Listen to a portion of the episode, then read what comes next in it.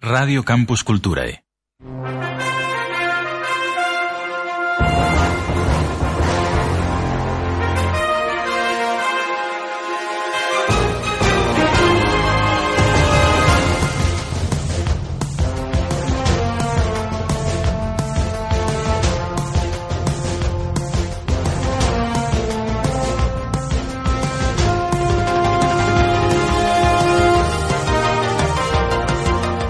Radio Campus Culturae, Informe Galicia, con Gonzalo Louzao.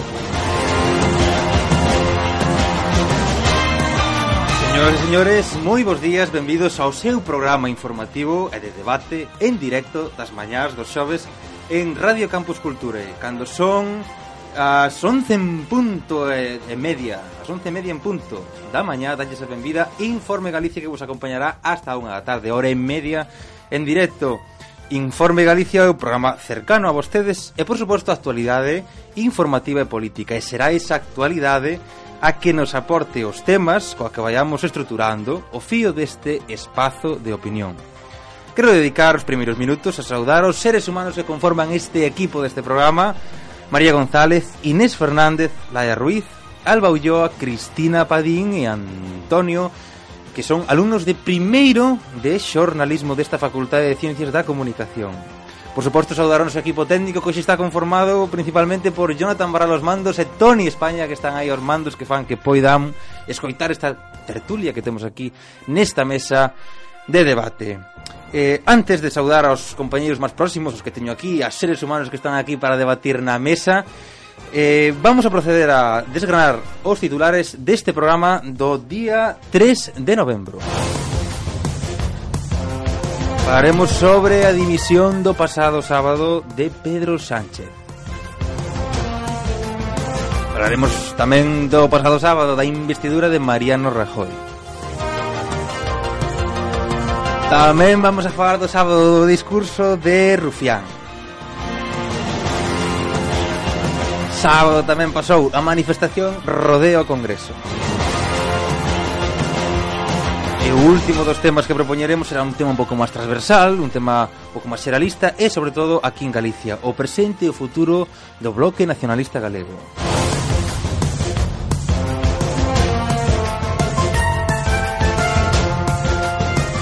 Agustísimo, estamos aquí todos xuntos. Eh, Bueno, eh, vamos a presentar A ver quenes son as persoas que están tan a gusto con nós. Saudamos que ven dende Ponteareas ao politólogo Diego Mo. Hola, Diego. Hola, Gonzalo, moi bo día. Eh, moitas gracias por, por invitarme, un placer estar aquí. Ah, un placer que esteas aquí. Agora que estás facendo? Acabache xa estar graduado. Pois dimo ti, que que estou facendo. Sempre temos aquí alguén do máster ese. E vamos tres programas, levamos tres programas e, eh, eh, bueno, sempre é un gusto ter compañeiros do máster de fora, porque tamén, pois, por exemplo, non moi de fora, porque está estudando cuarto de Ciencia Política, Temos a Alejandro Sánchez. Que tal? Bo, Eres bo de Foz, do norte de Galicia. Do norte, norte. Pasamos de Ponteareas a la cerca de Vigo. A, eh, para Vigo vámonos a ir porque temos que saludar a Alberto Mera. Hola, Alberto. Bueno. Eres ti eres licenciado aquí desta casa do, sí. de comunicación audiovisual. Sí, de comunicación audiovisual, xa hai uns aniños. Bueno, pois eh, o, o tempo pasa, o tempo pasa para todos. Se, o ano pasado, bueno, este ano graduámonos Diego Maiseu Eh, seguro que, do forno xa. Recién saídos do forno, seguro que dentro do paso tempo decimos, oh, xa onde vai que, que foi aquilo. Bueno, se queredes, eh, tratamos o primeiro tema, pero antes vamos a escoitar o que nos conta Alba Ulloa, que redactou unha noticia que nos explica a dimisión de Pedro Sánchez. Pedro Sánchez deixa o escaño para intentar a reconquista do poder no PSOE. Registra no Congreso a súa renuncia a acta para evitar absterse ou votar non a Rajoy, desobedecendo ao máximo órgano de dirección do PSOE. A despedida de Sánchez viuse interrompida por un momento de emoción, no que o secretario xeral tivo que tomarse un tempo para evitar o pranto que comezou a asomar na súa voz. A renuncia ao escaño deixa a Sánchez fora do Congreso esta legislatura. A conclusión evidente é que Sánchez optará de novo a Secretaría Xeral se se convoca un Congreso no PSOE. O seu obxectivo é conseguir que a militancia teña dereito a votar e para isto quere presionar o máximo ao actual poder no PSOE. Como militante de base que paso a ser, dedicaré a partir del lunes todo mi esfuerzo a defender el derecho a votar de toda la militancia para corregir el equivocado rumbo en el que la gestora ha metido al Partido Socialista Obrero Español. Mi compromiso con los votantes socialistas y con los afiliados continúa intacto. Mi compromiso con el PSOE es, si cabe, hoy aún mayor, porque las dificultades nunca han sido para mí una excusa para continuar por la senda de nuestros ideales.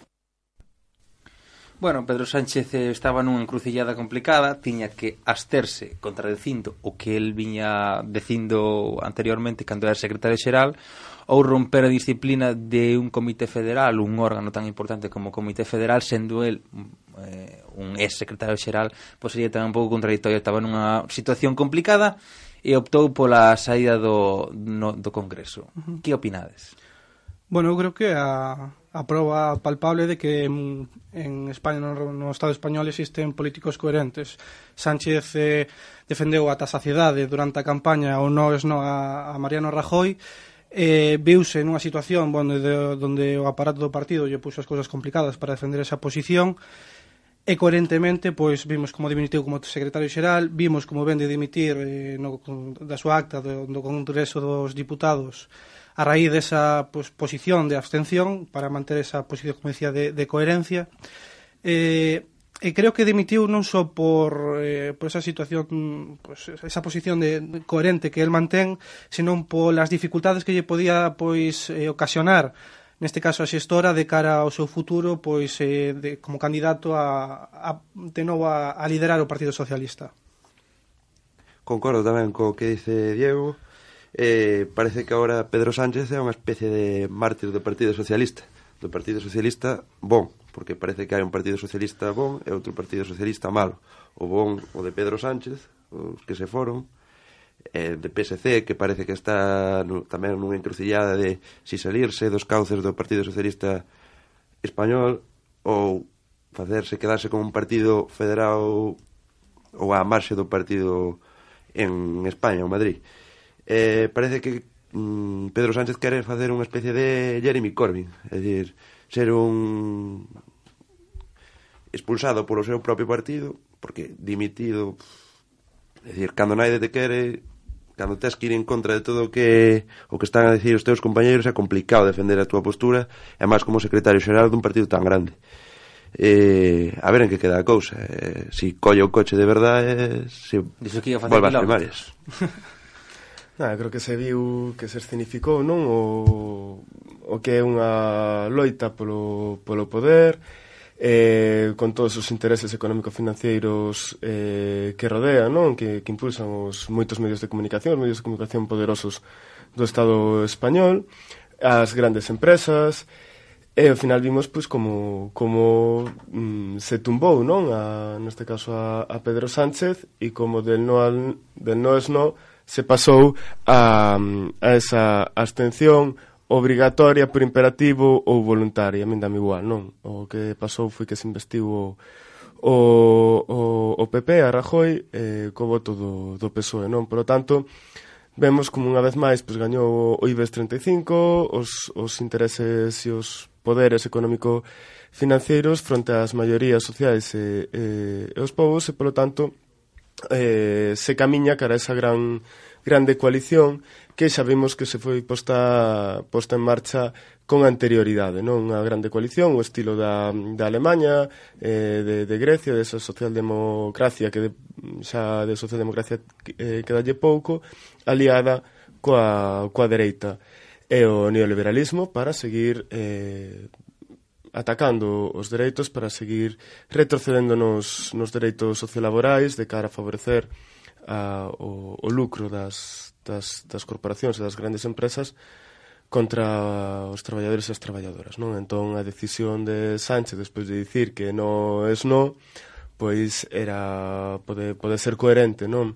A min o, bueno, o, o futuro do PSOE creo que está bastante cru e que acaban de bueno, pues a, a esquerda que podería quedar aí ou, ou posicións eh, dignas que podería que podería haber nese, nese entorno creo que xa quedan endevedadas e gañou o, o que encarna non o Felipe González a Susana Díaz o, o, o PSOE que de, que de socialista do obreiro non ten nada pero si ten moito de español.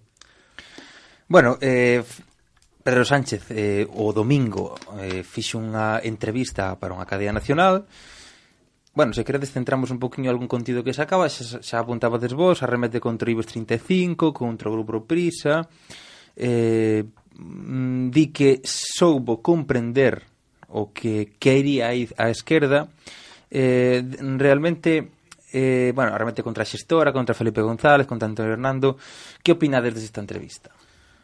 Eu creo que Pedro Sánchez, vemos un Pedro Sánchez desatado, o sea, eu nunca cabira tal, casi, casi eh, por parte do líder socialista. Eh, a min personalmente gustoume. Gustoume porque vi un Pedro Sánchez natural, cunha mensaxe bastante clara, dicindo o que quería dicir, que igual o que moitos militantes socialistas votaban de menos desde hai tempo, é dicir, eh, un líder dun partido socialista pois que arremetía, pois máis ben ou tiña unha dose de sinceridade conforme funcionan en, de verdade as cousas pero non só no sistema político español, senón tamén no sistema político galego, onde hai unha clara influencia dos medios de comunicación, e non aquí non escapa nadie, tamén o vemos como as relacións entre medios de comunicación e partidos políticos é algo normal, en, o BNG ten as súas relacións con medios de comunicación e ten os seus propios diarios, como Sermos Galiza, e isto é unha situación creo que bastante habitual, non tampouco temos que escandalizarnos. É verdade que estou de acordo aquí co compañeiro que Pedro Sánchez nesa entrevista denotou unha clara estrategia. Eu chamo de estrategia Corbyn porque nesta posición Sánchez púxose el a militancia, a, a, digamos, a militancia de base contra as élites eh, digamos, contra os varóns, como se solen, se solen chamar. Unha estrategia Corbyn que vimos eh, pois eh, como líder laborista pois se enfrontaba directamente contra esas élites eu non teño de todo claro que, que poida chegar a ser beneficiosa mm, para o seu futuro. Porque se analizamos un pouco que o contexto eh, no Reino Unido vemos eh, claras fragmentacións incluso no, no, no, na propia Cámara dos Comuns entre os propios laboristas, bueno, pois onde hai un sector pro Corbyn, outro non pro Corbyn, eh, creo que acentuar ou mellor a, a división. Pero bueno, quitando Eh, salvando as distancias entre os dous sistemas políticos, eu creo que eh, Sánchez eh, creo que está adoptando unha estrategia bastante clara e bastante boa para, pues, para enfrontarse directamente a Susana Díaz. Moi ben, Eu creo que si temos que dicir que Pedro Sánchez foi coherente coa súa dimisión, coa súa renuncia a acta, eh, hai que dicir que foi pouco coherente coa rajada tremenda e absoluta que fixo outro día en, en Salvados. É dicir, si eso que estaba pasando é verdade, por que non o dixo antes? Porque cando realmente era secretario xeral e a súa voz sería escoitada como que é, como, como que era, máis ben, secretario xeral do PSOE, si estaban a pasar esas presións, si realmente eso estaba a ocurrir, por que non o fixo antes? Porque o di cando renuncia a súa ata, cando non deixa de ser máis con militante de base. Bueno, temos que ter en conta que era un, digamos, un secreto a voces, é dicir, a editorial do, del país non é que non facía falta que Pedro Sánchez dixera nada, as cousas están aí, as cousas o que lee el país ou que está un pouco informado e ve eses editoriais que non só saliu polo Pardís, é dicir, el diario.es, outros medios de comunicación fixeron seco desas, desa editorial a xente tampouco diga, pues, creo que está enterada sabe como funcionan as cousas. A xente sabe como funcionan as cousas, mas a rajada que fixo Pedro Sánchez está aí. É dicir, non pode salir o señor eh, Pedro Sánchez a dicir que o expresidente de Telefónica, César Alierta, me estuvo presionando para que, é dicir, a xente pode coñecer, pode entender como funcionan as cousas, uh -huh. mas o grave é que o diga agora, cando xa non era ele.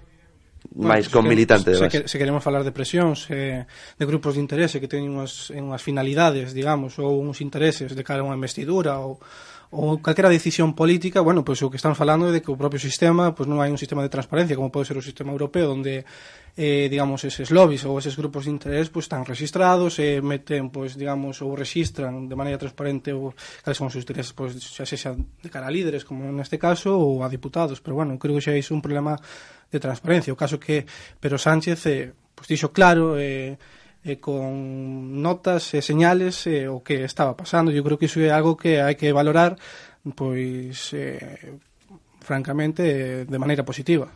A ver, eu creo que non dixo tampouco nada novo que non se saiba, non? É dicir, hai que, xente que, que non quere ver, pero que hai, non? Eu iría un pouco máis alá, é dicir, eh, os grandes medios de comunicación É dicir, se hai prensa alternativa, o Sermos non é do BNG, mm, temos a, é eh, unha liña nacionalista, de esquerdas, coincidimos, bueno, pero cando, o BNG non ten medios de Sermos aloxa no, pues, na propia sede do CIGA, bueno, pois pues, denota que hai certa proximidade. Sí, pero as palabras tamén teñen que ser correctas, senón sí, sí, sí, sí, danse sí, bueno. a entender cousas que non, que non son, non? Eh, pero sí é certo que, que, bueno, que el país responde a unha corporación económica empresarial e, polo tanto, son medios de, de información, pero de información baixo un punto de vista que busca beneficios tamén económicos e tamén da gobernabilidade en función a quen, a que interese represente, non? Eh, falemos de outros medios de comunicación que, que, que vayan de progres ou vayan de, de conservadores son da mesma empresa, non? E que razón ten o, o director de la razón na sexta cando se enfade di, oye, que mi empresa paga este, esta, esta televisión. Iso é certo, non? Inda que non lo revistan dunha maneira ou doutra, haxa máis pé a unhas posturas máis críticas ou as outras, non hai unha pluralidade real na información no Estado, no Estado español no que ten a ver nas grandes empresas. Hai medios alternativos, como Sermos, como Praza, como, como outros medios eh, noutros povos. Pero realmente os medios de eh, grandes responden aos intereses empresariais dese, dese accionariado, non? E, e iso xogou. Entón, eu creo que Pedro Sánchez non descubriu nada, outra cousa que quixese dicilo, porque se sentía, bueno, pois o mellor máis liberado para para dicilo, pero non nos descubriu eh, nada. E tampouco de extrañar que as empresas queran interferir os grandes monopolios e oligopolios nas, nas, nas decisións dos, dos partidos, porque entón, mm, por que hai portas giratorias? Precisamente Por favor. para ter... Mm, Trincados trincados, como dis, a, eh, pois a, mentre son ministros, pois para que lexisen favorablemente aos seus intereses e despois para tamén influir na, directamente pois nas, nos órganos de, de dirección dos, dos partidos políticos, non? Entón, eh, bueno, pois o PSOE estaba inserido nese, nese modelo, eh, o servizo tamén, ou, ou moi influenciado tamén por eses grandes medios, estaba eh, pues, eh, un comité federal onde hai eh, con membros pues, eh, que estiveron nesas, que estaban nesas portas giratorias, con moitos eh, varóns que xercen a modo de, de, de cacique eh, e entón, bueno, pues, pasou o que o que era de, de esperar nese partido, non? E para a mostra tamén, pois, a pouca democra democracia, non, de base, que se ve nese partido que nos extraña a outros que, que militamos, eh, pues, no meu caso no BNG, e que somos a base e a militancia quen decide prácticamente todo, non? Unha das, unha das, das persoas que se que votaron en contra na investidura eh, eleita por Aragón xa foi destituída das súas funcións de coordinadora e puxeron a outra, a outra persoa da corda de, da corda que triunfou no PSOE, non? É dicir, de Lambán. Eu, eh, por exemplo, na miña organización política, quen decide quen é o responsable comarcal ou coordinador é a militancia, non a executiva ou, ou, ou o que sexa. Entón, bueno, eu creo que son cousas que a veces se nos quere, se nos quere vender que determinados partidos foron innovando con primarias e tal, as primarias son un detalle. O, o que hai eh, ou hai un funcionamento de base democrático, un militante un voto, ou pasan estas cousas, non? Vimos un Pedro Sánchez desatado. Vos credes que Pedro Sánchez é o futuro do Partido Socialista? Home, se tuvera xe, sei que facer unha aposta de cara a como está, bueno, pues a proxección da militancia con respecto aos, aos líderes eh, do Partido Socialista, creo que Pedro Sánchez ten agora unha gran ventaxa. Outra cousa é que queiran facer, por exemplo, pois outros varóns, que se Susana Díaz, que se Borrell, bueno, que parece que van ser os posibles candidatables tamén xunto con Sánchez iso xa é outro tema, pero creo que Pedro Sánchez ahora mismo, despois, eu creo que despois dese Comité Federal pois bochornoso que tuvo o Partido Socialista, creo que incluso lle dera un pouco máis de oxígeno e gasolina para que Sánchez sacara ainda incluso máis ventaxe contra a súa principal rival que Susana Díaz. Entón facemos unha porra, a ver, imaginémonos que, que, que se presenta Borrell, Susana Díaz e Pedro Sánchez. Sí, sí. Quen sale eh, secretario xeral? Eu ahora mismo digo que Pedro Sánchez, pero bueno, claramente. Pero bueno, Alexandre, ti que dis? Eu quedome con Susana. A Sara Susana. Por número de, pero, de no militantes é por federación, pero basicamente, por, por números. Por afinidade ou por no, no, no, no, salir? Realmente por afinidade cero, nin con Susana nin con De Despeña de Perros para baixo non Claro, non, non conozco. eh, Alberto, ti que pensas que van sair? Eu creo que vai depender moito do, do modelo que, que leve. non? Cando mm, é distinto facer unhas primarias que facer un congreso por delegados, Entón vai depender do, do modelo, entón sin saber se delegados ese... van ser os delegados do que os designados polo, liña. claro, sí. entón sin saber o modelo eu non me puedo aventurar a dicir iso. Ti dicías que é o futuro do se o, se o futuro do PSOE pasa por Pedro Sánchez, eu creo que o futuro do PSOE está moi cru ou moi ou moi ben, pero servindo os intereses da da dereita e das clases dominantes. Eles han de escoller. Eh, bueno, se pensamos un poquinho na cidadanía, no que pensaba, decían, é unha vergonza volver a votar. Eh, Pedro Sánchez plantexaba tres alternativas que, si, si se cumprían as tres, non a Rajoy, non as, as urnas. Eh, eh, eh, cal era a outra terceira non vamos ser oposición tamén eh, no, sí. sí, exactamente non a que va a, bueno, claro, eh, vamos, esas tres nons era imposible de, de cumprir eh, Vos que credes? A xente veu con vos ollos eh, que este que o Partido Socialista, que é un partido, digamos, que estuvo moito tempo gobernando, exercera a función digamos, un, ese papel que catalogaron os líderes que o, que o representan actualmente eh, como unha función estatal, como unha visión de Estado, ou credes que se equivocou e que era mellor ir a unhas terceiras eleccións?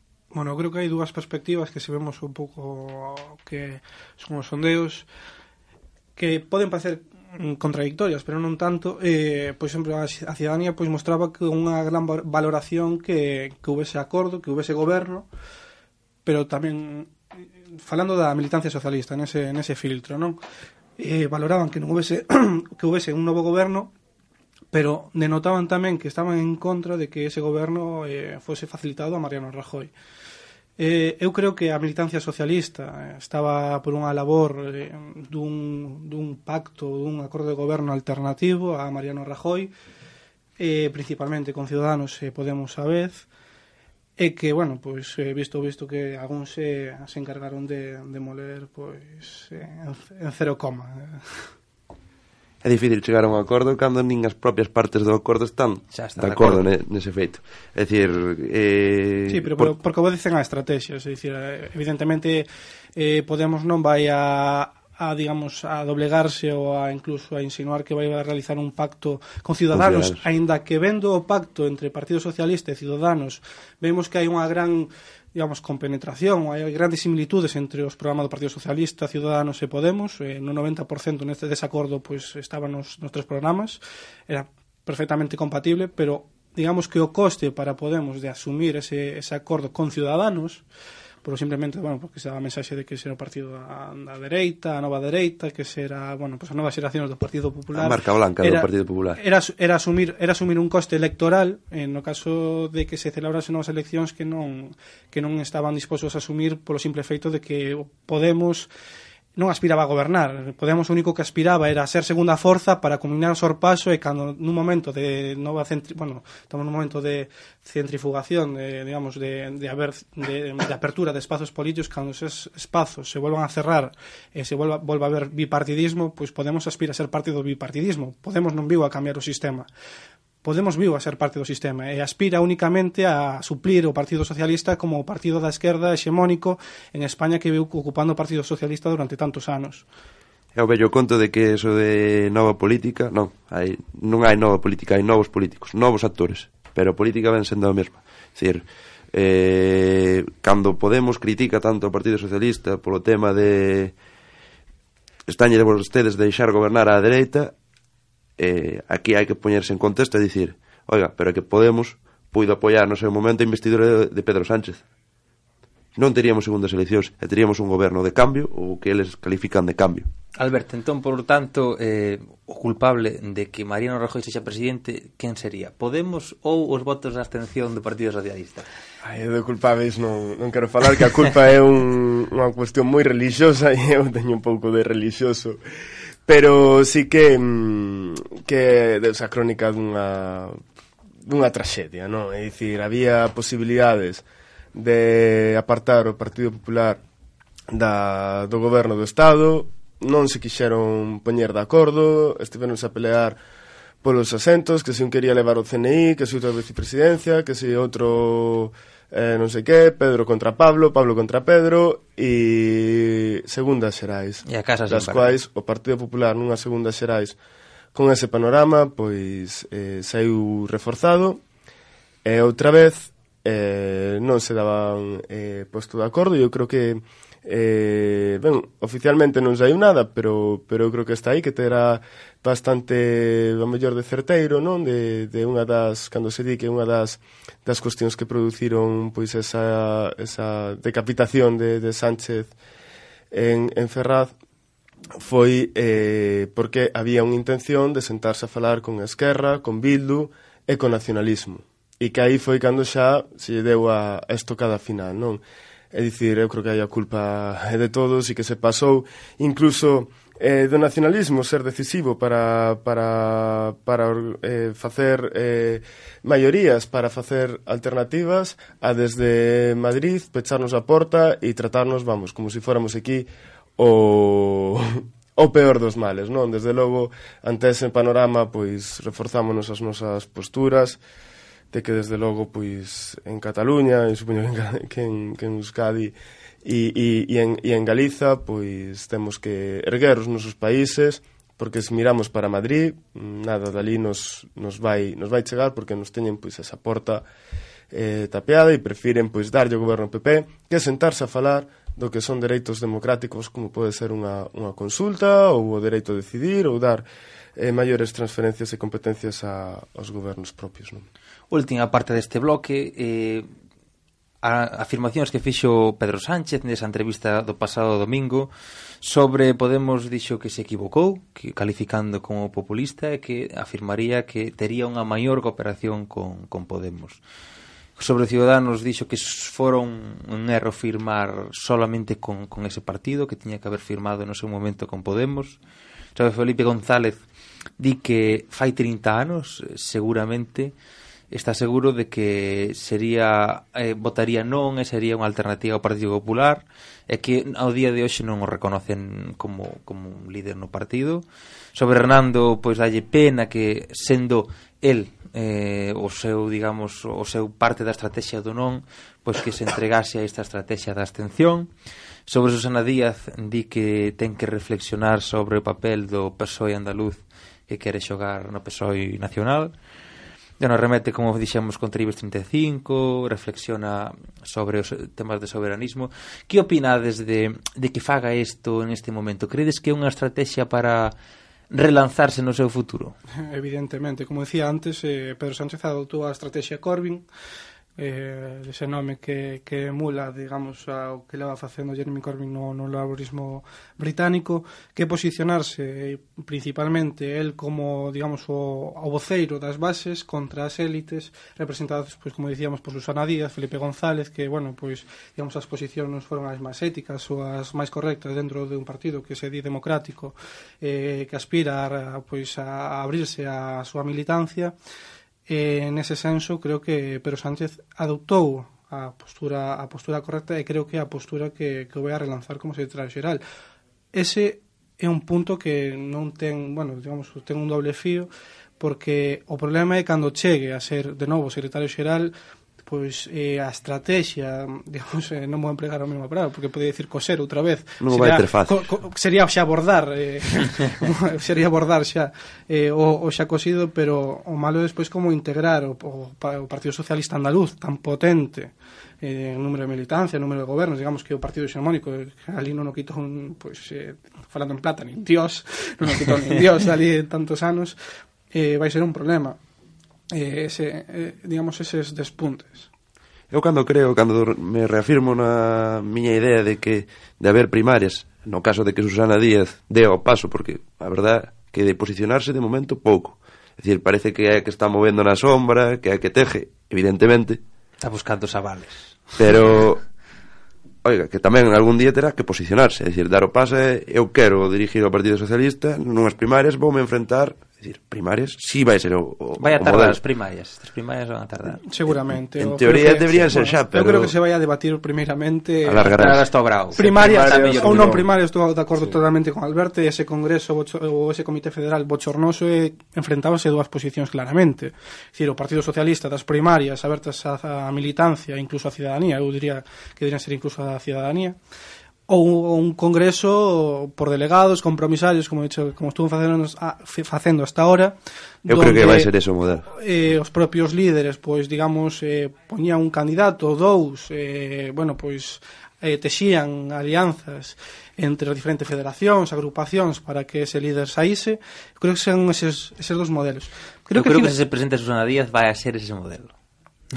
sí, seguramente, pero non teño de todo claro que, que ese, ese, ese, ese modelo porque sería, vamos, eh, ter en contra a toda a militancia que, que loitou por, por ter primarias abertas e que sexa a militancia que decida. Eu creo que, bueno, xa Susana Díaz, creo, eh, creo que se fixe un flaco favor no momento en que se posicionou eh, votando do, do partido ou intentando expulsar pois con toda esa dimisión en bloque da executiva federal do Partido Socialista, creo que Susana Díaz botouse unha pedra encima da que, da que lle vai a costar levantarse. Alberto, danos que... aquí unha boca de, de luz a esta sombra que nos, que nos ten estas letras PSOE.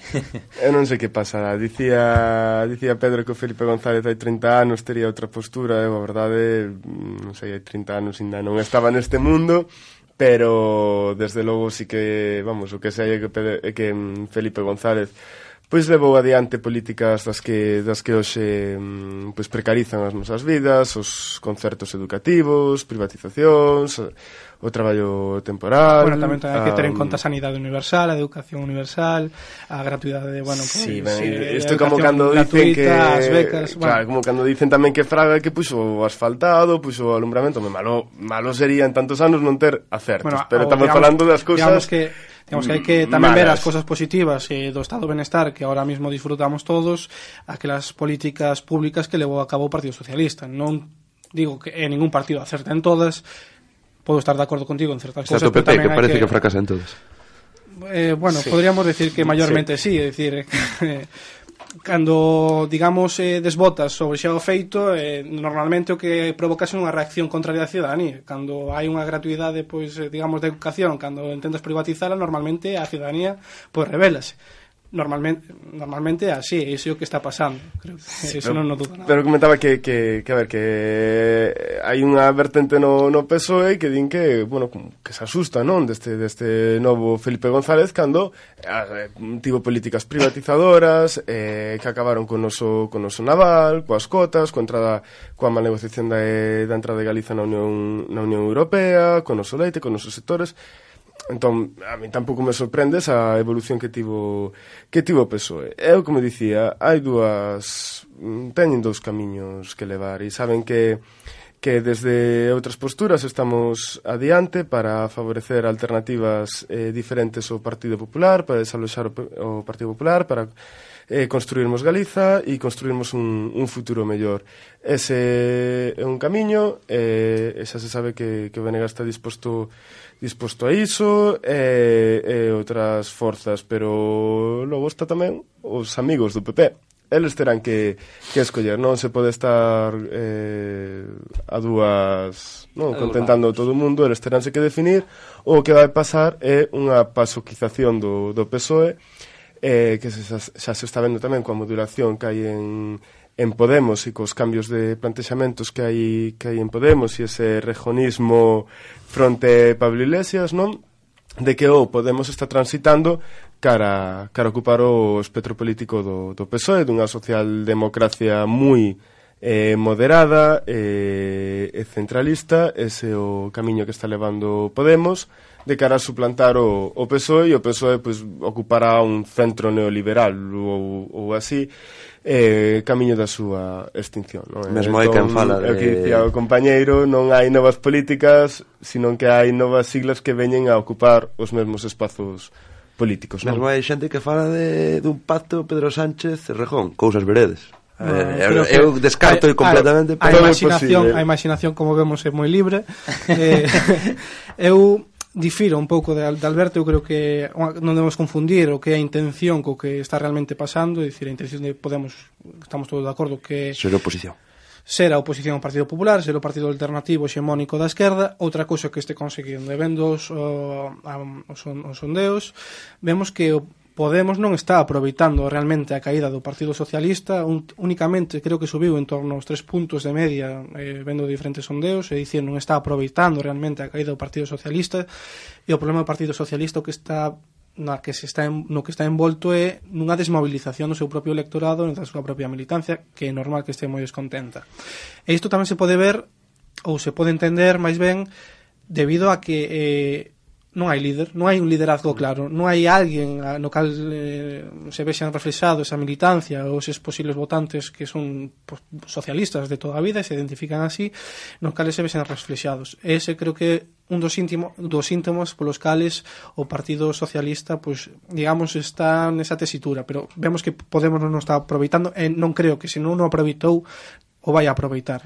Entón, isto que nos di? Isto dinos que o Partido Socialista ten unhas claras posibilidades de retomar o liderazgo na esquerda eh, o cunhas claras dificultades, é dicir, como exercer unha oposición se un líder dentro do, do propio Congreso, porque Pedro Sánchez sabemos que dimitiu, non pode volver ao Congreso para exercer ese, uh -huh. esa oposición, eh, polo tanto, complicado, eh, complicado. Vai, pode ter unha, unha clara dificultade nesa visualización, pero bueno, tamén afronta tamén unha ventaxa que Pedro Sánchez ten eh, índices de coñecemento por parte da ciudadanía, pois é un líder, digamos, popular, é dicir, un xa un líder que é coñecido, se sabe, bueno, pois cal é a súa posición, eh, bueno, seguramente hai algunhas pois estrategias ou hai algunhas posibilidades de que esa oposición poida verse reflexada no, no seu liderado. Falando de populares, cambiamos de bloque e Eh, despois de 300 días sin goberno, habemos presidente. Investidura de Mariano Rajoy con 170 votos a favor, 111 votos en contra e 68 abstencións.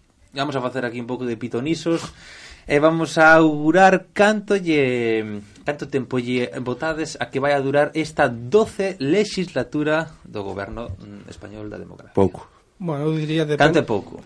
Porque pouco... igual pouco son tres anos. Depende como mastiquen. Ou tres e medio. Depende como parece que hai unha clara idea tanto por parte do Partido Popular como mesmo de Podemos de acortar ao máximo esta legislatura eh, porque realmente vai ser ingobernable. É dicir, tanto por unha parte como por outra.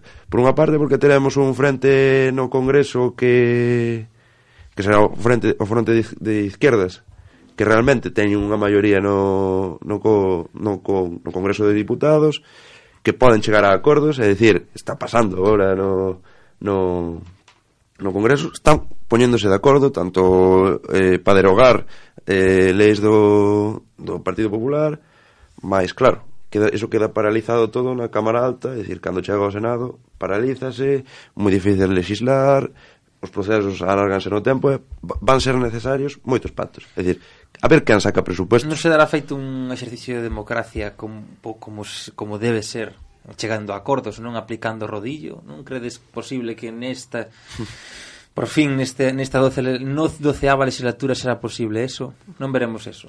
Eh, bueno, eu difiro completamente de que hai unha maioría de esquerdas no Congreso, é dicir, eh, se vemos os dous bloques os diferenciados... Aí. Sí, sí, por iso mesmo digo. Eh, se vemos a maioría de esquerdas non, non ten nada que facer coa coalición, se, se poñen sumando o Partido Socialista ou o Partido Popular e Ciudadanos nada que facer. 170 contra eh, PSOE, Podemos, Esquerra e todo este bloque que está votando en contra. É dicir, o PSOE supónse que a partir de agora a, vai a, a Partido Nacionalista no. Vasco, Coalición Canaria, CIU, bueno, esos son partidos de dereita que se suman, pois pues, xa teñan a maioría. Sempre se xuntaron un pouco un pres mayoría, presupostos. Presupostos. e xuntaranse, xuntaranse. Bueno, eu creo que hai unha clara eh, dis, vai haber unha clara disputa, non? Eh, según funcionan os, os, os intereses os principais intereses de Mariano Rajoy, o Partido Popular, incluso de Podemos, vai ser pois facer que a legislatura sexa o máis corta posible, por intereses claros, e dicir o Partido Popular sabe que nunha situación de ingobernabilidade é capaz de mobilizar aínda máis o seu electorado, o que vai a reforzar pois ainda pois a suma de, de escanos a, aos seus intereses. Podemos interesa ter o Partido, Soci o Partido Socialista, o Socialista nas horas, as súas horas máis baixas para culminar o sorpaso e o Partido Socialista vai se ver na tesitura de retrasar canto, an, eh, canto máis a unhas novas eleccións polos seus problemas internos, dicir, necesita un liderado, necesita pois recompoñer a toda a militancia e incluso pois a credibilidade no seu propio partido para afrontar unhas novas eleccións. Entón, vai se ver na tesitura no, no Congreso de apoiar certas medidas e tamén de bloquealas en certa medida, porque tampouco se pode manter unha posición de inmobilidade ou de bloqueo permanente hacia o partido do goberno polo simple efecto de que pode arriscarse a que Mariano Rajoy dun día para outro como que novas eleccións e, e diga isto é ingobernable, necesitamos unha maioría solvente que... Por San Juan do ano que ven xa se pode Sempre son celebracións así, as Navidades, o San Xoán, bueno, pues, eh, nos deixan Mellor nos chaman as fornas outra vez. sí, sí. Eu creo que, que o PSOE está contra, contra a parede e moi, moi atado, non? No sentido de que a todos lles, lles beneficiaría electoralmente eh, eh concorrer a unhas novas eleccións a gaso PSOE. Eh, tanto o PP, como creo que o Podemos, como outras forzas lles, lles beneficiaría e sairían cunha suba menos o, o PSOE, non? Polo tanto, eu creo que Rajoy foi moi claro, prevendo mellor tamén unha maioría absoluta de deixadesme gobernar, vou facer as mesmas políticas. Si, si estades ben, e se non, pues vamos unhas novas eleccións onde xa sacarei máis maioría, non? Eu creo que é moi claro. Entón, eh, depende, pero tamén eh, eu creo que na, que na, na política como na vida hai que ter tamén valentía, eh, coherencia, principios e, e o que non se... Dicir, eu vería eh, bastante difícil para, para, para as persoas eh, que, que esa coalición, esa gran coalición que vimos o, o sábado se estea repetindo con medidas educativas, con medidas de sanidade, con medidas sociais e se intente maquillar con tema como que as reválidas xa non van ter eh, eh, importancia académica cando é falso. Entón, claro, se nos van poder vender eh, cortinas de fume, pero a realidade é que, que o PP ten o, o goberno e o PP e depende dos, dos demais, sabemos que Ciudadans vai ser o seu acólito, pero depende de que camiño teña o PSOE e iso vai, vai facer que sigan habendo medidas re, regresivas ou, ou non, non? Os camiños do PSOE son inescrutables 12 da mañá desta mañá do día 3 de novembro Estamos aquí en Informe Galicia Escoitamos uns consellos da programación desta casa E volvemos en nada, en uns minutiños Música Estás a escoitar Radio Campus Cultura. A ver, que plan tes para un venres pola noite? Radio Campus Culture proponche un dos mellores. Estudio 54. As 9 da noite estará contigo Iria Piñeiro traéndoche os mellores artistas do panorama nacional e internacional. A mellor música de todos os tempos, témola aquí en Radio Campus Culture. Xa sabes, os venres ás 9 da noite entra no noso Estudio 54 con Iria Piñeiro.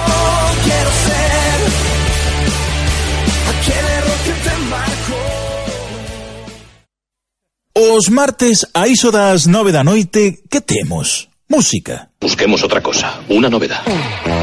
Novidade non sei, pero si sí algo moi interesante. ¿De veras? Sí, claro. Os martes ás nove da noite, fundido a negro. Te voy a contar algo que un día me dijo mi padre. Conta, veña, conta. Mira las estrellas. En fundido a negro sí que hai estrelas. Un espazo repleto de plano secuencia, Dolby Surround, Travelings. Y yo también. Sí, claro, vostede tamén. En definitiva, un programa 100% dedicado ao cine e ás series. Y os diré por qué. Porque soy un sentimental. Presentado e dirixido por Rebeca Sánchez. Y nosotros no discutiremos su profunda sabiduría. Lembra, os martes ás nove da noite, fundido a negro. Tú y yo lo sabemos. Él también lo sabía. En Radio Campus Culturae. Se che gusta baloncesto, tes unha cita cada luns pola noite en Radio Campus Culturae. Todos os luns, dende as 10 da noite, Planeta Obra, Ca actualidade da ACB centrada sempre na evolución do equipo de Santiago de Compostela, o Cabo Obradoiro. E a partir das 11, o mellor da Liga Norteamericana en NBA Adictos, cos colaboradores habituais Dani Egea e Sergio García. Lembra, todos os luns, ás 10 da noite, Planeta Obra, e ás 11, NBA Adictos. Presenta Manu Guiao. Bienvenidos al club. Radio Campus Culturae. Hey, gustache a radio? Sabías que na USC hai unha radio aberta a participación de todo mundo? Radio Campus Culturae, a radio da diversidade. Sí, sí, Radio Campus Culturae está aberta a participación de todos e todas.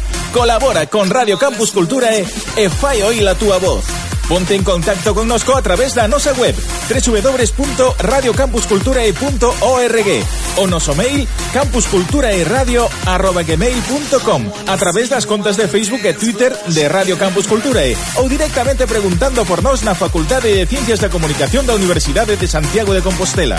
Únete a Radio Campus Culturae. Colabora ca túa radio.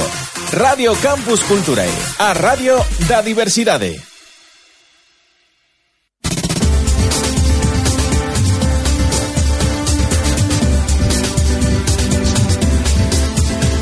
Radio Campus Culturae. Informe Galicia. Gonzalo Louzao.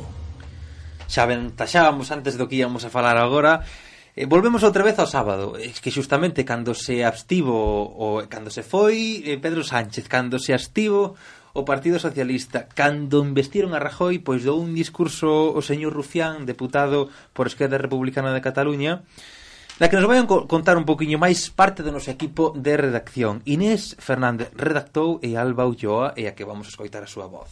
O discurso de Gabriel Rufián, portavoz do partido Esquerra Republicana de Cataluña, foi o máis polémico na sesión de investidura do pasado sábado 29. Este, dende o primeiro momento, arremeteu contra todos os presentes.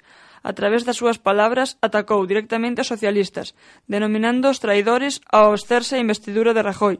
Así mesmo, Os criticou por ceder ante un cacique, facendo alusión á presidenta de Andalucía, Susana Díaz, e aos intereses dos grandes consellos de administración. Este foi interrompido varias veces polas protestas dos socialistas ante tales ataques e críticas. Ana Pastor, presidenta da Cámara Baixa, cortou a súa intervención pasado o tempo establecido. Desta maneira, Rufián manifestou a súa disconformidade, xa que só falara tres minutos de cinco debido ao tempo malgastado coas queixas. Este non puido así rematar o discurso que tiña previsto, polo que decidiu publicalo en Twitter, algo que provocou moita polémica debido ás faltas ortográficas que presentaba. Só un día despois do discurso, o portavoz adxunto no Congreso dos Deputados de Esquerra Republicana de Cataluña repetiuno. O lugar escollido foi o último domingo de octubre, nun acto nacionalista organizado por dito partido, no cal el era o invitado ilustre sei que tiña moitas faltas, a ver, non é filólogo. Pero bueno, mm, sei que tiña moitas faltas. Pronunciar pronunciar no ben. Entonces, bueno, o que é bueno unha cousa non é bueno a outra. Bueno, pronunciou ben, despaciño e con moi mala leche tamén. Entendeuse o que quería dicir. Sí, sí, sí, bueno. Eh, eu creo que, bueno, xa evitando falar das faltas de ortografía que, bueno, cando eres diputado e ainda publicas eh, pois eh, provocando ainda máis un, un papel como ese por nas túas redes sociais e non tendo en conta ese tipo de cosas, creo que foi un polo menos despistado, eh, por non dicir un pouco mm, pois non sei se a, a por falta de descoñecemento. Iso demostra que escribiu el. Sí, de, bueno. Pero bueno, eh, alexándonos disto, eu creo que Rufián estivo equivocado e sumiuse nunha clara contradicción, é dicir, non podes atacar o Partido Socialista, bueno, pois falando de que eh, apoia um, de maneira pois indirecta con abstención o Partido Popular, un Partido Popular de, de corrupción, de, de recortes, cando eles foron en coalición con, con Convergencia de Cataluña. É dicir, un partido que ten moitas similitudes co Partido Popular, o 3%, o 3% que se, bueno, todos os casos de corrupción, un partido pois incluso imputado, con sedes embargadas, e que digamos, o buque insignia, o, digamos, o, o espello onde se reflicten os recortes en, en Cataluña. Eu creo que hai, ante todo hai que ser coherente, como dixen antes, eh, é eh, unha, unha cousa, unha característica que escasea na política española, Pedro Sánchez foi coherente, dimitiu, eh, nesta vez Rufián, bueno, pois pues, encheu sulle moita a boca, pero a coherencia pois destacou pola súa, pola súa ausencia. Alberti. Sí, eu creo que vamos, que Rufián sí que tivo un discurso moi, digamos, cun tono combativo E a min o que dixo non me mm, extrañou, non dixo nada nada nada novo, nin que non pensáramos moitos e moitos e, e, e non dixo tampouco ningunha, ningunha mentira, non? Extrañame que cause mm, furor non? o discurso de Rufián cando a min, por exemplo, pois foi máis quizáis un poquinho máis incisivo eh, Matute de, de Euskal Herria Bildu tamén que, que gostei bastante da, da súa intervención. A min deme moita raiva non poder escutar a, un, a unha deputada, deputado de, da Galiza, non dicía da marea que eles ian falar ali sempre con representación propia eh, os intereses de Galiza e tal, en o discurso de investidura que, home, creo que o do máis importante dunha, en, en 4 anos non lle non quixeron ou non lle permitiron falar, descoñezo Xa non foi, se sentan nin xuntos. Cal foi a cuestión. Entón, claro, joder, falaron cata eh, dous grupos cataláns, valenciáns, dous, grup dous eh, deputados canarios, asturianos, navarros, eh, dous grupos vascos. E Galiza, non sei que estamos a... non está, desaparecida totalmente. Eu, a, a, para min esa foi... Bueno, de que un Rajoy sexa presidente foi unha decepción moi grande. Pero que Galiza estivera despreciada, desaparecida, cando nos dixeron que ia ser outra cousa, os da os deputados da, da Marea, pois mm, di moito, queda todo todo aí, non? Eu prefería máis que escoitar a Rufián, escoitar a unha deputada, un deputado galego como lle dicir a Rajoy, non por eh, non en defensa dos, dos, dos intereses das galegas e dos galegos. Eu iso que o que me, me faltou e me doeu que non que non estivera, non? De todas formas, eh, iso non non lle vexo que causara tanto furor e máis vexo eh, eu non me meto tampouco nas eh, nas cuestións internas que poida ter eh, cada partido, que si sí é certo é que, bueno, eh, cando o PP o que pretende eh, judicializar eh, o soberanismo en Cataluña, querendo incluso eh, e apoiando a um, eh, que sexa xulgada a presidenta do, do Parlamento por apoiar o, o referendo e permitilo, pois, home, creo que non hai que confundir nin mesturar a uns con outros as posicións que podía ter o Partido eh, Nacional Catalán ou, ou, ou Esquerra, Junts pel Sí, eh, toda a xente que, por certo, vendo PSOE e que conforman tamén do PSC e que conforman tamén Junts, Junts pel Sí eh, e que están de deputados eh, agora nacionalistas, pois creo que, que non se lles pode meter, sería injusto eh, comparalos co, co PP cando o PP o que quere é eh, apresalos, non? E eh, eh, represalialos. Señor Sánchez. Si, si se antes dicías que algo que os caminos del Señor son inescrutables, a Rufián había que dicir, e concordo con Diego, que el que esté libre de pecado que tire la primera piedra. É dicir, o señor Rufián e, e criticou tamén Alberto Garzón de Izquierda Unida, bueno, de Unidos Podemos agora, nun artigo o día seguinte, eh, estás eh, pactando, estáis criticando a, ao PSOE que el calificaba de Iscariote eh, de asterse a deixar gobernar por tanto o Partido Popular cando eles están facendo o mismo, están gobernando coa dereita nun mesmo partido en, en Cataluña. Si tanto molestou aparte por un, o, o carecido odio que recollían as súas palabras si molestou ao, ao Partido Socialista foi porque lle deu, é dicir, porque era verdade. Mm, as formas equivocadas. É dicir, foi a primeira vez que vimos as bancadas tanto do PP como a de Ciudadanos como a de, do Partido Socialista por en pé e criticar unha actitude eh, que polo menos foi dura e eh, incitando odio, por así dicirlo. Sabes Fala, cal é a... Sí. Perdón, un, un segundinho. Sabes cal é a... Eu creo que a diferenza do, do goberno de Cataluña co, co investidura en no Estado español? Pois que en Cataluña acordouse entre Esquerra, eh, o PNC, eh, Junts pel Sí e as CUP un programa eh, encaminhado cara a declaración unilateral de independencia, cara a darlle un novo estatus a Cataluña, cara cara a facer posible un referendo e unha e, e sentar as bases democráticas, cara a defender o que é a democracia e o dereito e o dereito a decidir fronte a un Partido Popular e, e Ciudadanos que, como dicía antes, o que buscan é é judicializar e, e encausar a, as persoas que queran exercer a, a democracia e manifestarse como outros, pero, como toda a vida. Bueno, creo que entón, eu creo que unha cousa é, é sentarse, elaborar un, un programa conducido a iso entre distintas forzas políticas e outra cousa é o que fixo o PSOE ou Ciudadanos co Partido Popular. Darlle unhas, eh, de permitirlle gobernar a cambio de nada, sin sentarse a falar absolutamente de nada, sin condicionar nada. Eso dixo Rajoy. Vou seguir facendo as mesmas, as mesmas políticas. Les guste ou non les guste, non vou dar un paso atrás, sino adelante. Bueno, hai que ter eh, tamén eh, creo que é diferente contexto, vamos a, vamos o contexto español do contexto en é Cataluña. Cando hai un pacto desa de natureza entre Esquerra e Convergencia, quere dicir iso que Esquerra está indultando a corrupción eh, da antiga, bueno, ahora xa non se chama Convergencia, bueno, pero está indultando esa, esa corrupción, eses recortes previos eh, levados polos gobernos de, de Artur Mas. Eu creo que as situacións son moi diferentes, é dicir, eh, eles fixeron un pacto de goberno, estou de acordo, pero tamén hai que ter en conta con que fase, con quen fase eses pactos de goberno. Creo que Convergencia non é un partido que non o coñezamos. Forzas que defenden un referendo e unha consulta democrática. Eh, pero entón está, está, finalidade, pero todo o que está facendo Esquerra, Esquerra, o que está facendo Esquerra Republicana é poñendo por encima unha, un a futuro democracia. referendo. Bueno, está poñendo por encima hai, bueno, a democracia tamén en que non haxa corrupción, que os recursos se repartan equitativamente, e que non se lo lleven crudo a su bolsillo. Iso tamén é democracia.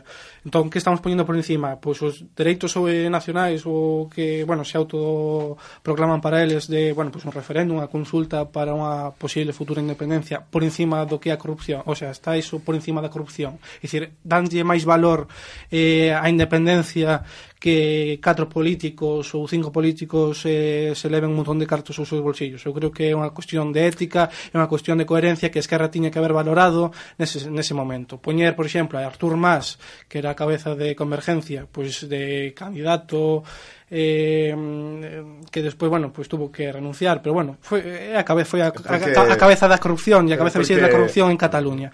Igual que foi Mariano Rajoy ou é Mariano Rajoy en España como se dixen, as situacións son moi diferentes, porque eles foron sobre pacto, pero, por exemplo, o Partido Socialista, aínda que, como ti lle deu un cheque en branco, non exactamente un cheque en branco, que vai facer o Partido Socialista é unha posición onde as maiorías non están de todo claras e hai que fornecelas dentro do Congreso.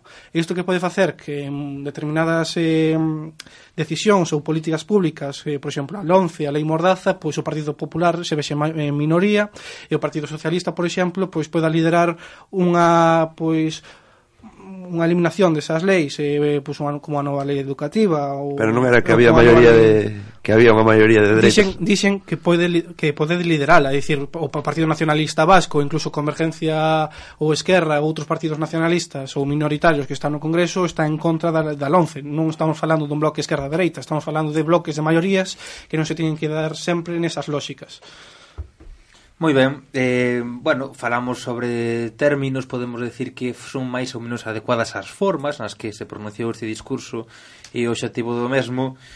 Poderemos catalogalo de populista cando a Real Academia Galega o define de tendencia política que pretende atraerse ás clases populares? Era un discurso populista? Era un discurso que mesmo algún... Bueno, xa levaba no, no, no propio exordio do discurso, xa levaba a voz de varios militantes socialistas. Máis ou menos redes eso xa non, non vou entrar en, no, no tema porque non sei se os, se os exemplos que poñía Rufián eran reais. Mas podería ser un discurso que poñe que diría calquer militante socialista da, da rama de Pedro Sánchez. Eso sí con un tono moito máis calmado eh, máis moderado que eu creo que é o que se debe criticar o que se dixo a Rufián. Non que non fora verdade Eu creo que el fixo o discurso que lle seu, cada quen ten o seu, o seu carácter, el, el ten ese, ese carácter, esa maneira de falar. Non lle vexo...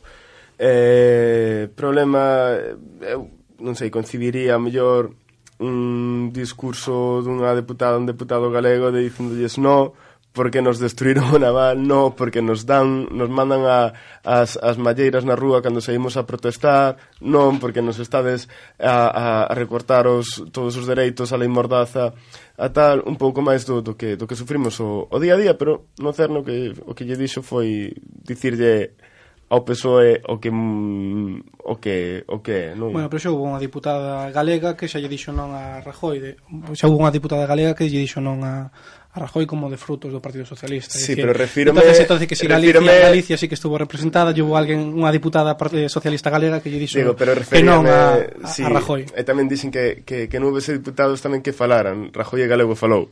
Refírome a que bueno. subiran o estrado é que é que defenderan ali os nosos intereses, porque hai unha hai un hai un Pero non unha, non lle fixo, non lle fixo falta. Que se a presentou... posición de Frutos xa era clara, ela levantouse como todo o mundo no Congreso dixo non. Xa, é unha posición cando todos, clara. Cando no... todos suben suben o estrado e teñen cinco minutos mínimo para falar, e suben asturianos, navarros, vascos, baleares, eh, valencians, vamos, de, de todos os povos do, do Estado español e ningunha persoa dunha forza galega nin eh, sube ali eh, é deprimente, eh? que nos tomaron o pelo cando se presentaron as eleccións.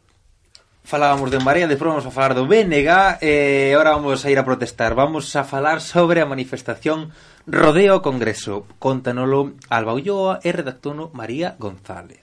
Miles de persoas sumáronse o pasado sábado vinte e nove á manifestación rodea al Congreso convocada pola coordinadora 25S. Nela, os asistentes manifestáronse en contra do que consideran investidura ilexítima de Mariano Rajoy como presidente do goberno. A marcha asistiron persoas de todas as idades, unhas 6.000, segundo lle informou a delegación do goberno a EF, e non menos de 150.000 segundo os convocantes. Esta desenvolveuse entre gritos coma "Ante o golpe da mafia, democracia". Alí, Elena Martínez, Izquierda Castellana, Ramón Guals, da Coordinadora 25S, e Alejandro Fernández, da Unión de Juventudes Comunistas de España, leron un manifesto no que deixaban constante a ilegitimidade da investidura de Rajoy. Da seguridade da marcha encargáronse máis de mil axentes, insultados en múltiples ocasións. Alberto Garzón, así como a outros membros de Podemos, saíron a saudar os manifestantes. Pablo Iglesias, en cambio, preferiulle dar o total protagonismo á xente. Moi ben, moitas gracias, Alba. Eh, bueno, pois pues, eh, aquí tamén pasou o sábado. O sábado pasaron moitas cousas. Non dábamos atendido a todo, eh. eh, o sábado pasou esta manifestación rodeo ao Congreso, dixo Pablo Iglesias que ibas a ir a saudar. Ao final saleu a saudar. Saleu Berjón. Berjón mm. sí. e compañía saliron ali porque eles tiveron sorte non lles pasou como as deputadas de Ciudadanos que as abuchearon, que lles tiraron latas de cerveza, lles tiraron eh, moedas e lles tiraron de todo. Vas, se lle tiraron moedas sin darlles ainda... Sí, supoño que serían de un ou dous céntimos. e chamaronlles 400. pouco daño. Bueno, eu creo que a Podemos non lle favorecía moito tampouco pois, posicionarse en, en ou, ou digamos ter certa simpatía por esa posición, Esquerra Unida que está esa... na candidatura de bueno, Podemos Esquerra eh, Unida, eh, apoio. Esquerra Unida e Podemos e Podemos non? Unidos que, Podemos que teñen o mesmo grupo é a coalición pero independentemente, eu estou de acordo coas protestas, non? independentemente de onde sexa, non? rodeando o Congreso, rodeando o que sen o Banco de España, dame igual.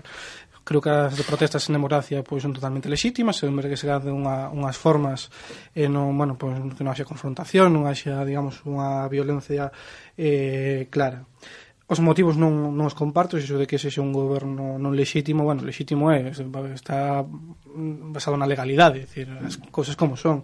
Pode gustarnos máis ou menos, a un, pois, pode estar a favor ou en contra, pero lexítimo é, decir, axustase a legalidade. Estou de acordo co que compañeiro, eu creo que os sucesos posteriores son os que deslexitiman e os que se votan despois pedra sobre eles mesmos eh, cando se, bueno, pois, cando se lanzan latas de, de refrescos sobre deputados, hai insultos, hai confrontación, incluso incitación á violencia eh, nese, nese, nese sentido. O que faz é pois, coibir a verdadeira liberdade de expresión e eh, a súa función que ten o, o, deput, o deputado. Eu creo que se se gardasen as formas e evitásemos ese tipo de cousas, eu creo que os debates sobre os rodeas ao Congreso, o rodea o que queiras, porque aquí en Galicia tamén tuvimos eh, aquí no, no Parlamento, creo que estarían fora da xenda, pero bueno, creo que son os que meten na xenda este tipo de, de, pues de debates, son os que, os que acaban lanzando diferente tipo de cousas, os que insultan e os que buscan a confrontación. Alberti. Eu creo que que vamos, que o, non se pode como se fixeron desde desde sobre todo o PP, pois intentar eh, deslegitimar dereitos democráticos como de movilización e ademais eu creo que, que visto visto e as posturas que, que vai tomar o, o PSOE non nos queda máis que mobilizarnos na, na rúa e, e, e ampliar a, a oposición ás rúas a todas as medidas regresivas. Xa foron anos convulsos e de moitas mobilizacións. Eh, Podemos dixo que ia estar cun pé na rúa e outro nas institucións e a xente dicía mm, que novidade, vamos, nada novo, non sabémolo moi ben. Que, que na rúa tamén é onde se consiguen grandes eh, grandes avanzos eh, sociais cando hai maiorías conservadoras como é, como é o caso. Por lo tanto, eh, foi tamén, digamos, con esa etapa congresual nova que se abre, tamén se abre eh, con esa movilización, bueno, pois pues, o, o, o que ten, o que vai ser, non? Que é defender os nosos dereitos, pois tamén coa movilización colectiva, co apoio, co apoio nas rúas e sumando xente a, a fornecer unha alternativa pois tamén desde, desde abaixo e desde, desde a movilización colectiva social. Eh, está recordando que non, non ten nada de malo xa participei na, na que convocara o BNG rodeando o Parlamento galego tamén en defensa dos, dos dereitos democráticos e fronte ao autoritarismo que, que había e que con esta maioría do PP pois seguramente volva a ver no Parlamento no Parlamento galego.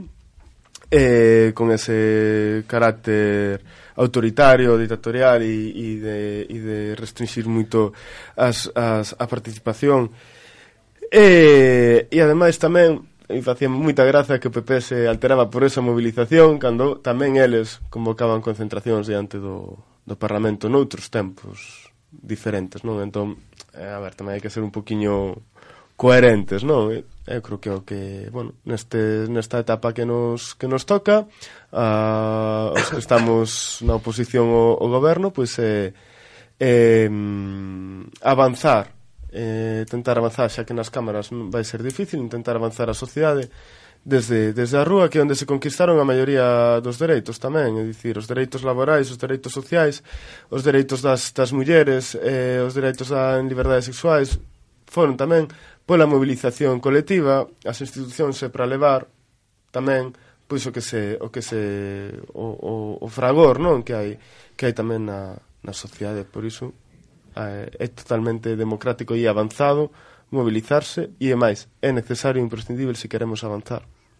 Alexandre. Eu creo que un punto clave a recordar é que esta movilización era legal, estaba permitida pola autoridade de turno eh, non vamos aquí a dicir se si era máis ou menos eh, beneficiosa para certos sectores, si para o PP, si estaba en contra do PP, si estaba en contra do PSOE, bueno, eso é o de menos. É dicir, as autoridades de turno autorizaron tal manifestación, polo tanto, se está recollida na lei, podese facer.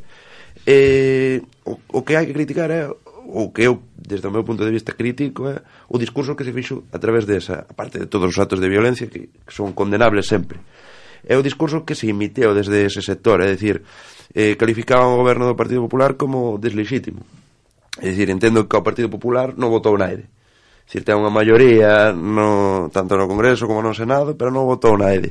Eh, califican eh, que eles son a maioría social, mas a maioría social xa que Podemos, Unidos Podemos era o que convocaba, perdeu un millón de votos nas últimas eleccións, cousas que hai que dicilo. Está moi ben estar nas rúas, pero tamén hai que estar nas furnas, que é unha maneira máis de participación democrática, igual que son os medios de comunicación, igual que son as mobilizacións sociais. É dicir, se si falamos de maiorías, a rúa falou PP. Pa ben ou pa mal, eso calificará nos feitos e calificará nos cidadáns cando teñan o, outra vez o, o o dereito eh, eh, de ir a votar xa, xa, xa en San Xoán ou xa, xa cando, cando queira. Oh, Rajoy Cabral é o que manda. Son, mm, por suposto, os resultados electorais que saen dunhas urnas son totalmente lexítimos eh, tanto como cando goberna un, outro un outro, eh, porque cando Legítimos son sempre. Claro, cando gañara eh, Zapatero, o PP non recoñecía os resultados. Entón, eh, aquí é de cando Home, de non reconocer os bueno, resultados. Pero non pero pero chegou a dicir que non eran legítimos polas concentracións que houbera o día anterior diante das sedes do PP polo engano que se fixera eh, cos, cos, eh, o que vai facer Donald, Donald Trump xa estaba inventado. dos atentados. De todas formas eh, por ainda está por ver, eh? ainda está por ver. eh, cousas veredes. é tan legítimo que sae das urnas e os gobernos que saen que saen eleitos como, como, como igual de legítimas son as mobilizacións e as como, e o, Pero que ese era o discurso que se, sociais que, que se, que se fan nas rúas. Xa, pero eu digo que xa, penso, o discurso que no, se daba na, na manifestación era que non era lexítimo ese goberno, que non que non que non nos representa, non o representarán, pero lexítimo. Rodea Radio Campus Cultura e vamos a propoñerlle as autoridades a ver se, se nos aproban esta esta rodeamiento de edificios. Vamos ahora a rodear as 12.37 minutos da mañá deste 3, eh, estamos en directo aquí en Radio Campus Cultura, 3 de novembro, volvemos co presente futuro do BNG. Vamos a coitar uns conselliños.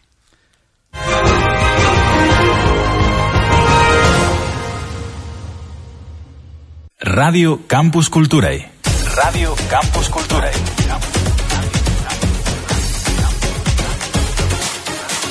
Radio Campus Culturae. Metrópoles Delirantes é un programa cun gran equipo de expertos no que falamos de BD dende unha óptica académica con análises profundas. Novas expresións e formatos artísticos en diálogo coa historia e a cultura confluen neste espazo de información e estudo. Lufadas literarias que abren as portas da nosa imaginación e van máis alá do feito radiofónico. Unha proposta que nace do escrito e trascende ata as ondas para que escoites como sona a excelencia. metrópolesdelirantes.com A banda deseñada na radio. Me echaron droga. Delirante. En el colacao. En Radio Campus Culturae viaxamos no tempo a través da música. Todos os martes a partir das oito e media da tarde, Mil Músicas. O programa que cada semana repasa a historia da música dos anos 60, 70 e inicios dos 80 en España e Iberoamérica. Mil Músicas, con David Leiro. Eu son David Leiro e agardo vos en Mil Músicas, non falledes.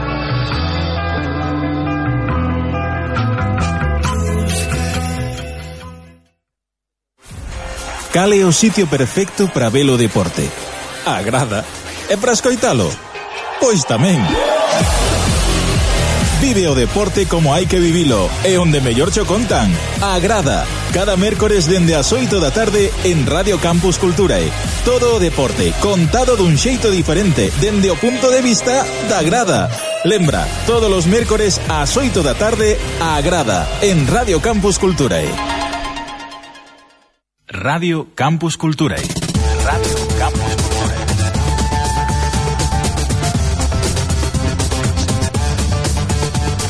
Radio Campus Culturae. Informe Galicia. Radio Campus Culturae.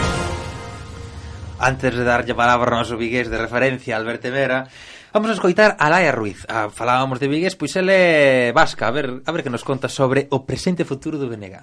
El BNG asegura que el nacionalismo tiene presente y futuro.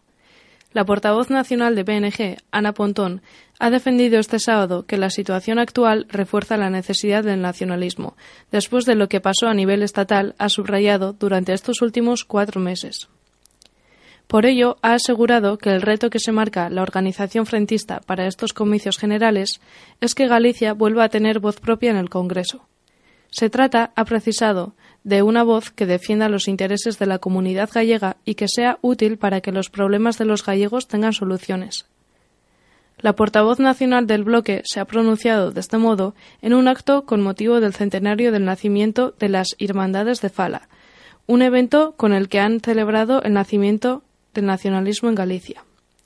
Con este acto, ha explicado, no se trata simplemente de reivindicar el pasado, sino el presente y el futuro y es que ha remarcado que su partido tiene el convencimiento de que el nacionalismo es vital para que Galicia tenga un futuro lleno de prosperidad. Moi ben, Alberto. Bueno, contanos. Temos eh, son as 12 e 41 minutos. Hasta que sexa unha nós temos tempo para falar. Déxame un minuto para despedir e temos tempo para falar. Nah, vou, non, non me vou Eu creo que moito menos. Queremos queremos decir que, bueno, os politólogos estamos eh, contentos de que de que sexa Ana Pontón, que tamén é unha politóloga a sí. que encabezará a lista. Di, dito este inciso, dispara. Sí, a ver, eu, bueno, eh, levo, ademais, eh, onte presentamos a Asamblea Nacional de, de Galiza Nova, eu levo 4 anos na Secretaría Xeral, xa anunciei que non que non repetiría por motivos de, de idade, non? Que xa non son tan novo. Eh, e vexo que botando a vista atrás vexo que, que bueno, pues cando a mí me tocou esta responsabilidade en 2012 eran momentos duros para o nacionalismo e eh, cecades foronse endurecendo, endurecendo máis Pero tamén é un orgullo, unha alegría pois ver que, que ao final eh, ese entramado da prensa, non do que falábamos antes, dábanos por, por mortos, dábanos por acabados, por suplantados, un espazo político que, que dicían que ia su, su, ser suplantado desde forzas da esquerda estatal, e non foi así.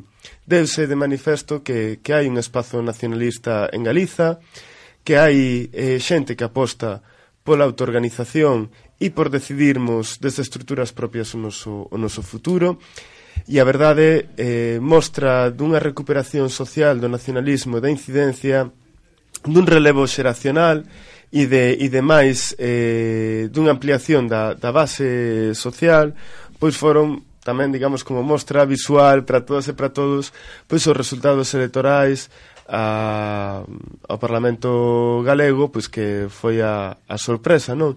Eu creo que o BNG ten moitas posibilidades de, de exercer o, a alternativa o, o Partido Popular, desde logo estamos preparados para, para iso, para ser a, a oposición eh, e voz eh, das galegas e dos galegos o, o Partido Popular, e eu creo que se abre un momento que en 4 anos nos pode permitir estar nunha posición totalmente diferente na desde a outra desde a outra eh, beira para, para, para erguer este, este país para crear xa desde desde as institucións unha, unha alternativa para, para a mocidade para todo para todo o povo galego para todas as, as traballadoras e traballadores non Eu creo que se, que se, que esa recuperación do, do BNG eh, ten varias claves, non?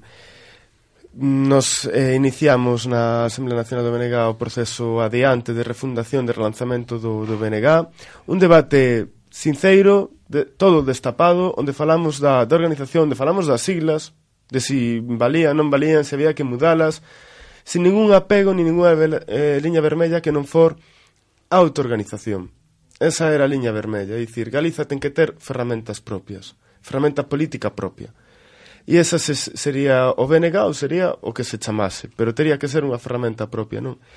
E, re, ese proceso adiante, pois, houve que mm, paralo un pouco, non? Polas segundas xerais, polas eleccións galegas, pero eu creo que moito xa foi xa foi posto en marcha e que mostra diso vimos nas eleccións, cun, co mesmo discurso histórico do, do nacionalismo, das irmandades do Partido Galeguista, do BNPG, do BNG, pero actualizado. Dicir, o discurso do BNG de sempre, pero actualizado a Galiza do ano 2000, 2016 e unha nova xeración. E máis unha nova xeración tamén a que as mulleres son as protagonistas, non? Pois cunha Ana Pontón, portavoz nacional e portavoz eh, no Parlamento eh, galego, cunha Olaya Rodil, viceportavoz primeira, é unha rapaza de 26, de 26 anos moi nova, eh, con, con máis xente que conxugan experiencia, que, con, que conxugan renovación e eu creo que o futuro do BNG está garantido. Nada está regalado. É dicir, mm, o que desde logo non, non, vai, non vai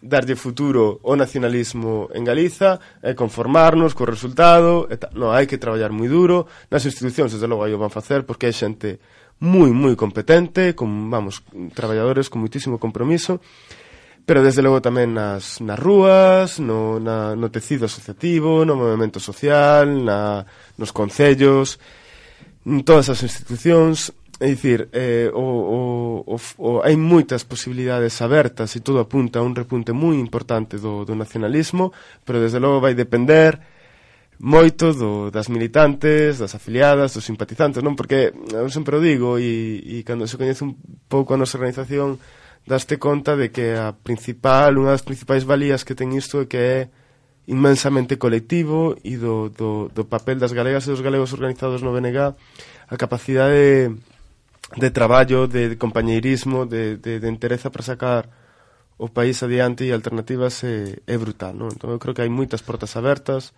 e eu xa que me despido do mundo juvenil en menos de 20 días eh, pois tamén vexo, bueno, eh, fan unha visión positiva e con orgullo do, do que se fixo desde, desde a mocidade de Bloque, desde Galiza Nova, a pesar de moitas dificultades que houbo, do contexto sociopolítico, pero sobre todo mmm, podo ficar contento porque vexo que hai relevo, que hai unha nova xeración de nacionalistas que se foron incorporando nas, nos últimos meses, últimos anos, e que son garantía dese, dese futuro, non? Moi ben. Eh, a, a quen atribúes eh, o éxito de En Marea. Pues, eh, en ese momento, cando se disgregou o bloque en dous en dous puntos, digamos, o BNG e despois a, o que foi agora en Marea, que atribuís porque moito voto se foi para Marea? Porque non ven esa alternativa no BNG? Eh, a ver, eu atribuo, podo atribuirles xa a AGE, eh, agora en Marea, eh, que foron a novidade durante tempo, eh, que o BNG mm, tivo erros eh, eivas tanto de, bueno, da maneira de dirixirse a, mm, a sociedade como desde a, desde a acción institucional, desde moitos eh, espazos, non? Eivas pequenas, sí, pero eivas que deron a imaxe de unha forza antiga que non conectaba ben coa sociedade, ancorada, inda que mm, estábamos nas movilizacións permanentemente, a percepción social é que estábamos só nas institucións. Eu creo que mm, que se deu a volta a iso e que a novidade nestas eleccións foi o, o BNG e a Forza Nova, aínda que teña máis de 30 anos de historia, a Forza Nova, porque estaba moi renovada no discurso, na, nas propostas e tamén nas, nas, nas persoas que o representaban, foi o bloque e non foi ningunha das outras, das outras forzas ser novo dura pouco. Duro que dura. A novidade... e ser vello ainda dura menos. As modas pasan. sí. o, o que hai que estar é na actualidade, actuais, e as reivindicacións históricas eh, actualizalas e estar permanente, permanentemente eh, en contacto coa sociedade. Iso é moderno, e eu creo que o nacionalismo é moderno. Ser novo, novidade, tal, iso dura Bueno, en política... Dura, Vos sodes modernos. Eu son... Home, calificaron o nacionalismo de moderno. Relativamente. Contemporáneos. Eu son moderno, non estou no bloque, por exemplo, son cousas diferentes. Eu creo que a, eh, a, mm, pois circunscribir o que é eh, a realidade do bloque a unha moda ou non moda, eu creo que é unha análise bastante vaga. É dicir, O problema de cando o bloque afronta un partido como en Marea eh, ve como parte do seu electorado o antigo electorado é absorbido por esa formación non é unha cuestión de moda. Xa foi con Ague, agora é con en Marea incluso con máis profundidade.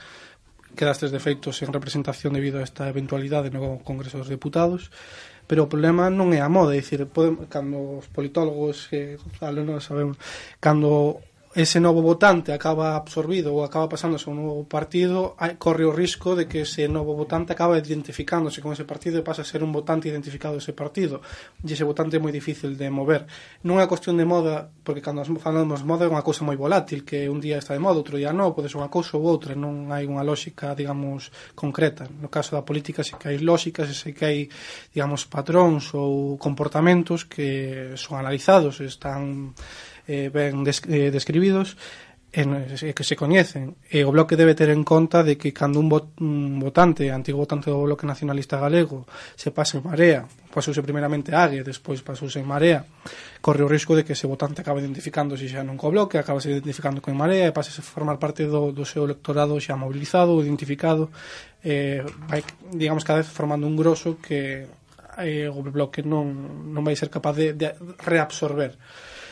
E un dos problemas que, bueno, tampouco me atrevo moito a falar dunha organización que non, que non é a miña, pero eu creo que un dos, blo un dos problemas que tuvo o Bloque Nacionalista Galego, históricamente, foi intentar equipararse ao nacionalismo catalán e vasco. É dicir, en Galicia, eh, o, o que o nacionalismo non é igualmente percibido ou non está, digamos, eh, monopolizado por organizacións eh, nacionalistas. Eh, o Bloque non, non monopoliza o nacionalismo. Se vemos o electorado do Partido Popular, vemos que hai grandes grosos de nacionalistas de dereitas, non de esquerda, pero sin nacionalistas, que son absorbidos polo Partido Popular. Iso sabémoslo, pois, os que analizan un pouco que son os, os sondeos e sabemos que están os espacios de competición. Iso seguramente o bloque o sepa internamente, iso lo que igual non quere dicir.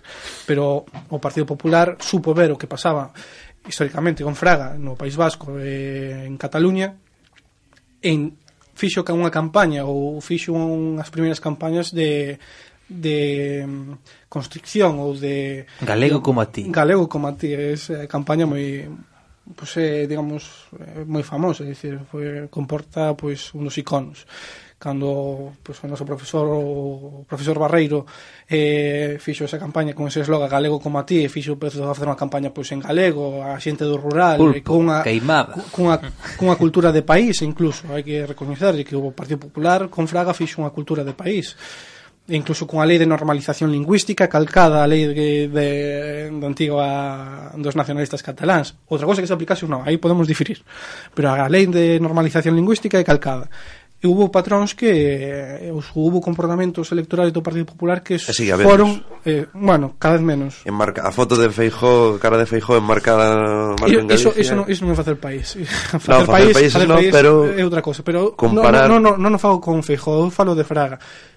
Foi un un estratego, os estrategas que tiñan nas primeiras campañas foi quen de pois de conter ao nacionalista supo absorber es, un, absorber ou identificar un electorado eh, que se identificaba co país pois, no Partido Popular. Eu creo que foi o gran problema histórico do bloque e, e o está, o está sendo bueno, entre, Cuiña, entre para descanse era o vicepresidente era mm. bueno, podemos decir que nacionalista non? Galeguista, galeguista. sempre auto, eh, eu penso que non, non eh, vamos a ver, o nacionalismo Nun país como o noso non é o nacionalismo como en Cataluña, un país onde a burguesía ten unha, un, unha gran tra tradición non? e económica. No noso nacionalismo vai para ello os intereses das, das, das clases populares, non? É dicir, porque aquí non hai mm. burguesía, porque aquí non hai... Pero hai eh, propietarios. Mm, sí, pero propietarios que case non teñen terra non teñen capacidade de, de, de sacar adiante o seu, o seu traballo. Unha burguesía mm, é o que é, é, o que é non? Unha burguesía industrial, unha burguesía... Eh, Por iso que o nacionalismo na Galiza vai eh, moi vinculado á esquerda e cunha, e cunha vamos, e, co, e no, no, na defensa dos intereses das maiorías sociais, porque a maioría social en Galiza son traballadoras e traballadores de distintos ámbitos, industrial, eh, emprendedores e emprendedoras, autónomos ou eh, asalariados, mariñeiros, eh, labregas, etcétera.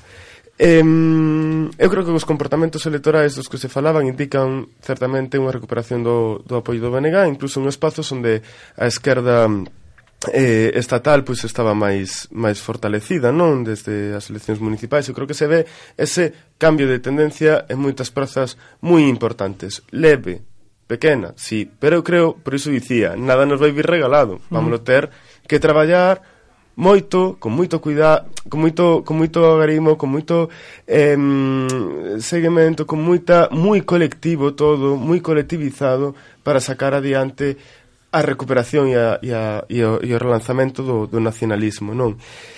E dicía que, que tampouco que o nacionalismo non é propiedade do BNG, Eso, por suposto, e eu sempre fago esta, esta brincadeira, non? De que cando din que nos repartimos os carnés de galegos e galegas, solo, vamos, nin de broma, todos somos galegas e galegos. Outra cousa é que algúns nos organicemos eh, e apoyemos o nacionalismo. E o nacionalismo, a día de hoxe, eh, con representación, só hai unha forza, que é o Bloque Nacionalista Galega, Galego.